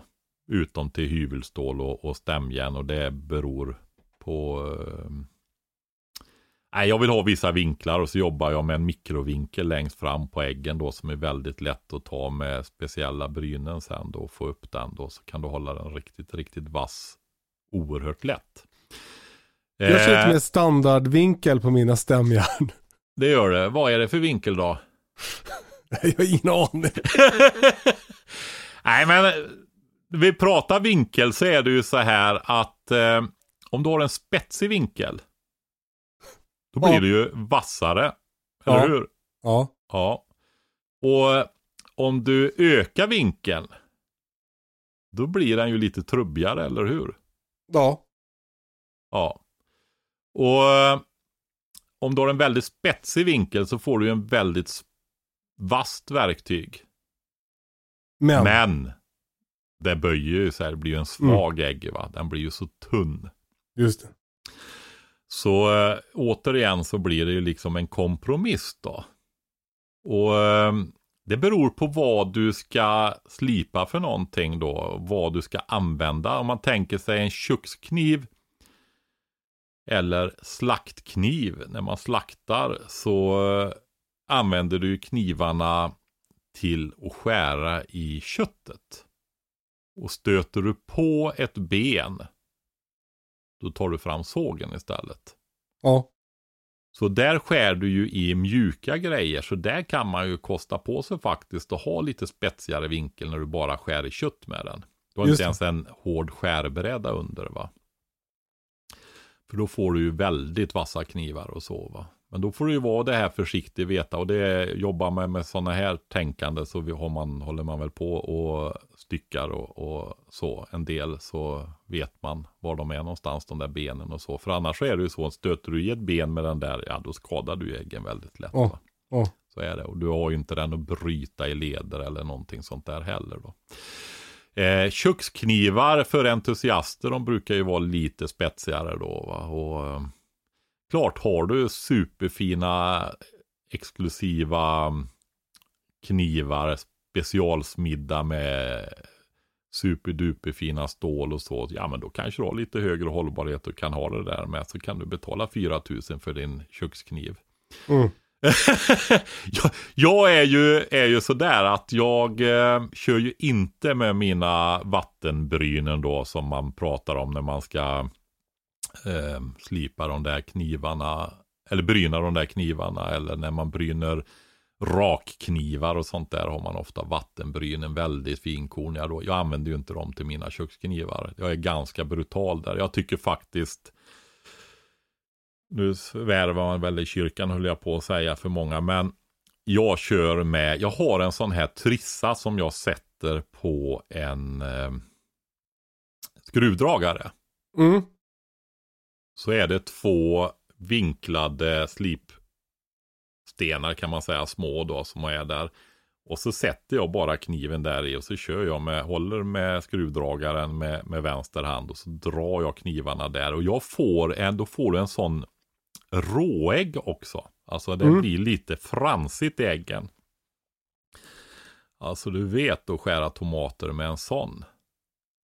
Ja, du Den låter den vara kvar? Råd. Jajamensan, det gör jag. Ja, ja, ja. Men sen har jag ju brynstål också då. Det är ju sådana där som man eh, har både diamantstål och vanligt brynstål då. Så man kan räta ut äggen med den där sen också när man har använt den då ett tag. Och på min Tormek finns det ju dels en, en sån våtslipsten men det finns också en striglingsgrej. Alltså en lädersnurra. Mm. Det är väl för att ta bort råäggen tror jag. Ja, till och med det sista skulle man nog kunna säga. Men sen har du ju, man pratar om brynpasta. Ja. Eh, och då är det ju så här att den kan vara olika grov också. Så den kan ju vara grov så vi kan börja prata om att man bryner då. Annars så striglar man. Om man tittar på gamla filmer så ser man ju någon ta av sig läderbältet eller ha någon läderremsa, någon barberare eller någonting. Så står han och drar rakkniven längs med den här lädret. Va? Ja. Och eh, det där kallas för strigling. Och det kan du göra även med eh, stämjärn och knivar, alltså vanliga slöjdknivar och hyvelstål och sådana saker också om du vill ha extremt vassa grejer då. Va? Men då brukar man ju sätta det här lädret på ett lite hårdare underlag, en bräda eller någonting, en skiva eller någonting sånt där. Va? Så kan du dra och då Tar du en kniv till exempel, vi pratar en slöjdkniv då. Det kan vara roligt att göra sådana här grejer ibland för att få verkligen, verkligen känna på någonting. Alltså du kan spegla dig i hela slipfasen och äggen. Alltså den är polerad va.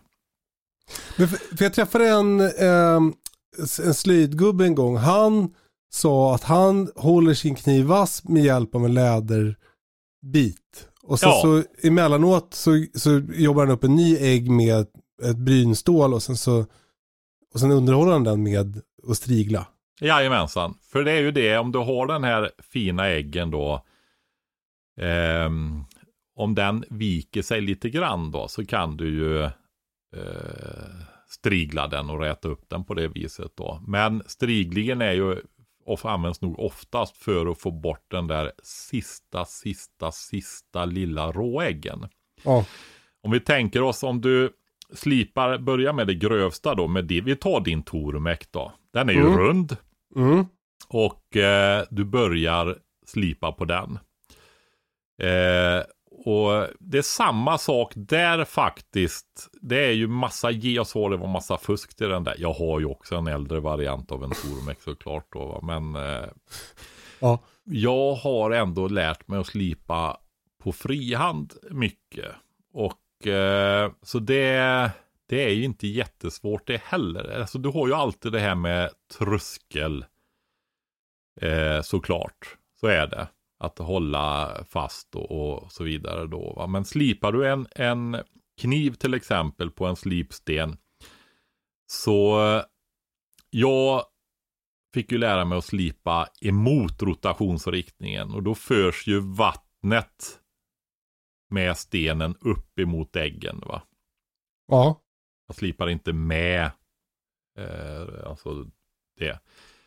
Och då kan jag ju se på vattnet hur, hur det går över knivbladet där. På hur jag slipar också när jag ligger rätt och så vidare. Va? Så att det går att lära sig väldigt eh, det är, inga svår... det är som vanligt så här att det är inte så svårt. Det gäller bara att, att lära sig. Nej, men alltså ofta är det så här att om man inte försöker, inte tittar, inte gör någonting, då har man ingen aning. Men om man gör det här så är det ju för att bli tillräckligt bra och kunna ha fina vassa verktyg så är det inte jättehöga trösklar. skulle jag säga. Till att lära sig det där. Va? Så är det.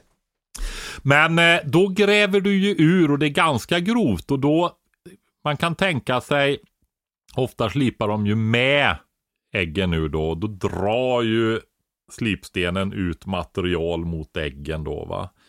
Men det får du även när du slipar emot faktiskt en, en eh, liten frans längst ut på äggen kan man säga då. En, en eh, råägg.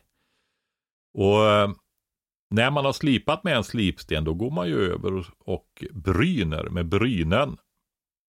Och då brukar man ha olika grovlek på dem där. Och det är för att få ner den här riviga ytan som blir utav den grova slipstenen som avverkar mycket.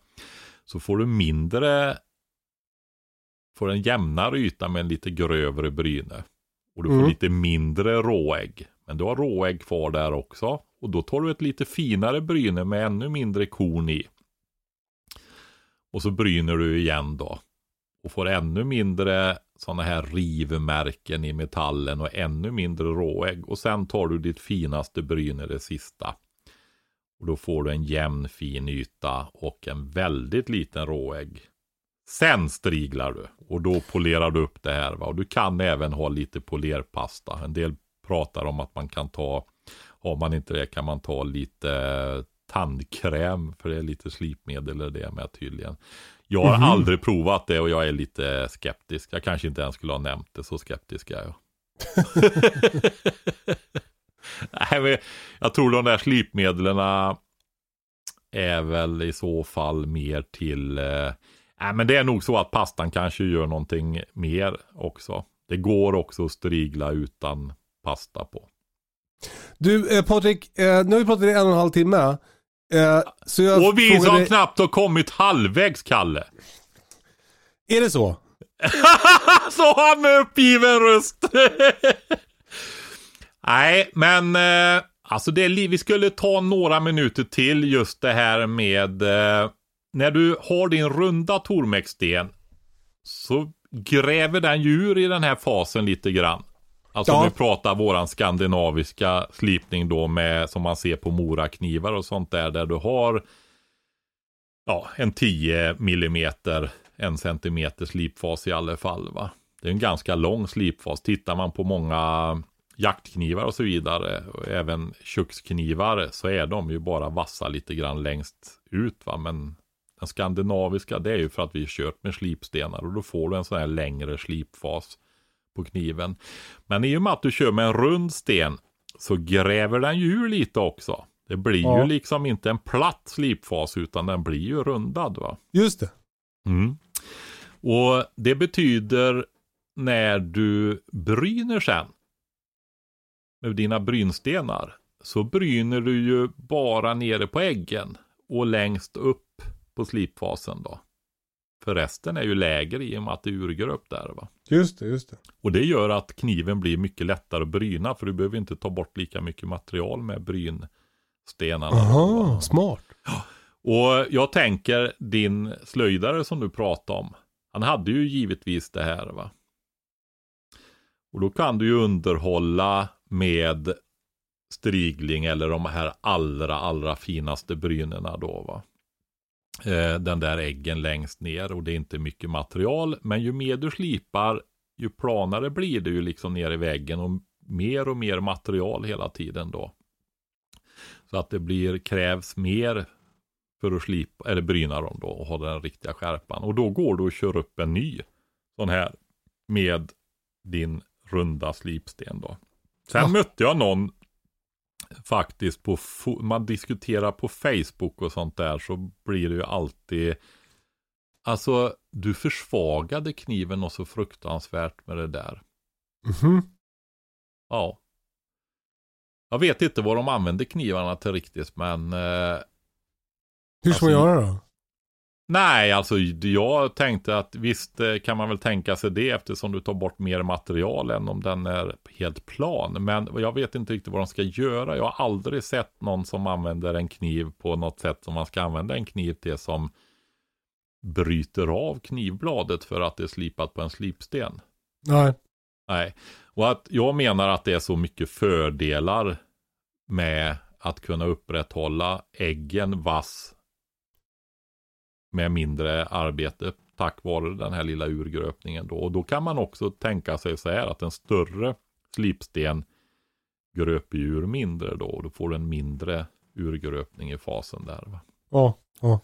Den är ju större Ja. radie på. Det blir som en plattare yta att lägga an mot. Precis. Och så här gör du ju också med yxor som du ska använda till att slöjda med. För då vill du ha precision, då vill du ha den eh, tunnare äggen där då. Men då är den ju också svagare. Men om du ska ha en klyvyxa till exempel.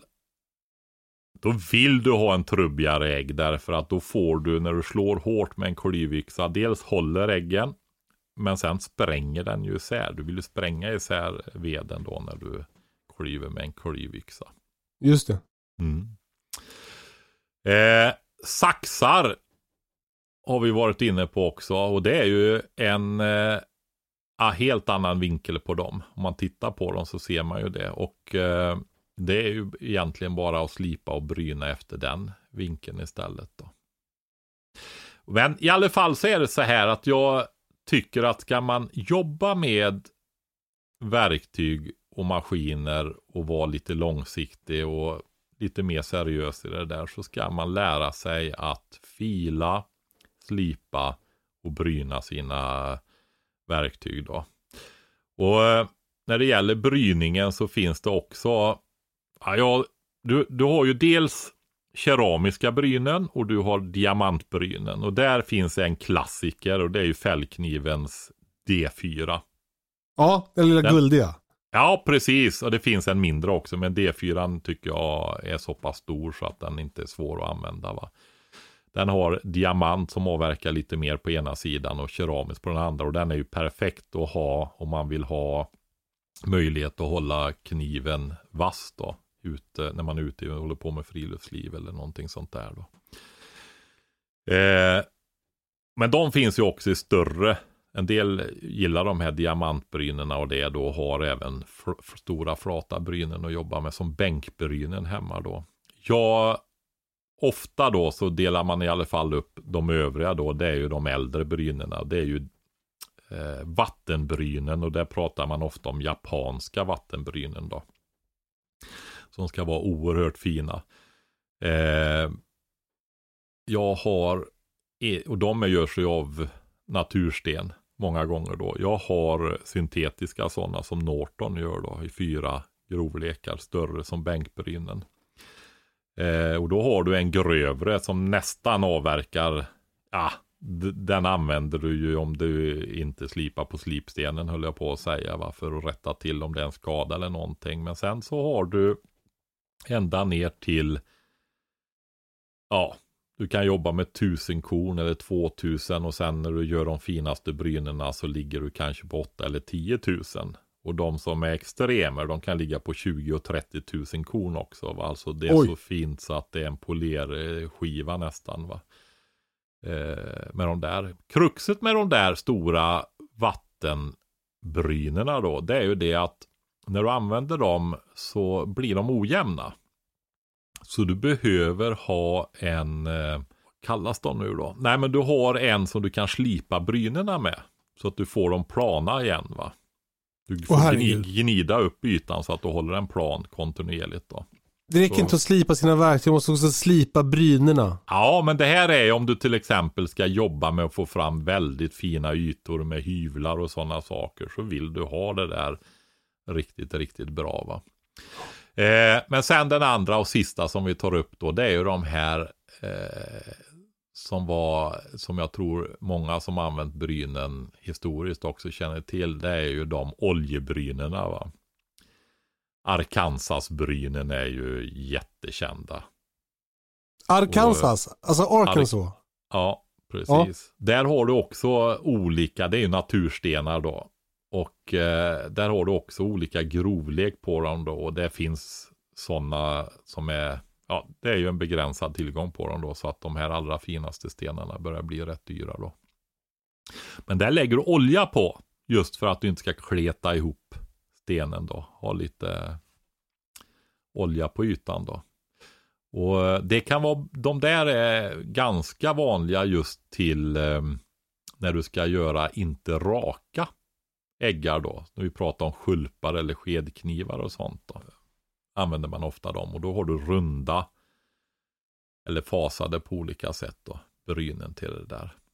Men okay. eh, ja, det går att fortsätta med det här ännu mer. Det går att göra egna brynen med våtslipapper, olja och allting special till skulpar och, och sånt där då med rundstavar och ja, så.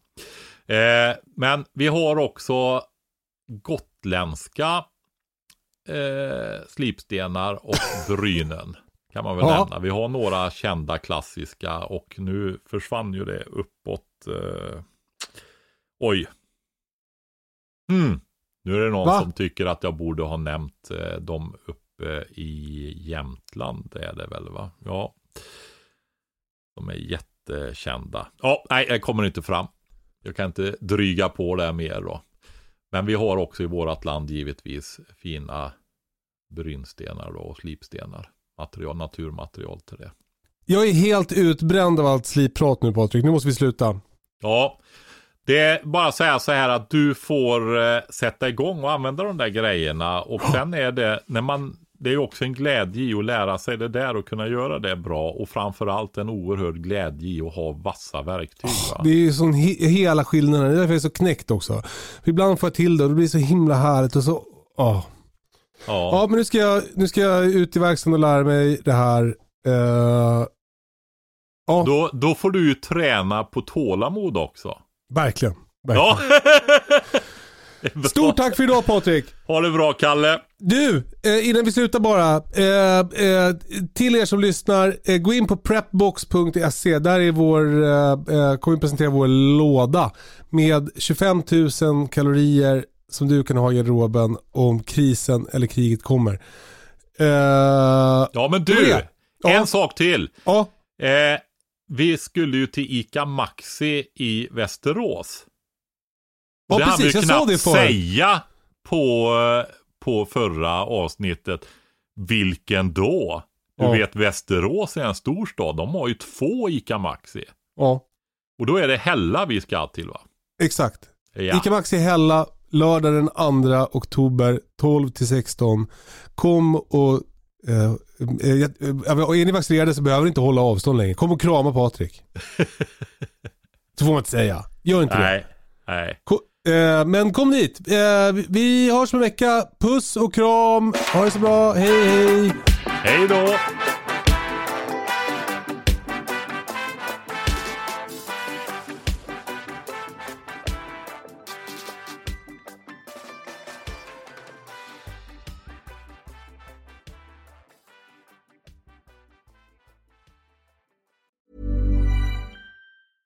Ever catch yourself eating the same flavorless dinner three days in a row? Dreaming of something better? Well, HelloFresh is your guilt-free dream come true, baby. It's me, Gigi Palmer. Let's wake up those taste buds with hot, juicy pecan-crusted chicken or garlic butter shrimp scampi. Mm. Hello Fresh. Stop dreaming of all the delicious possibilities and dig in at HelloFresh.com.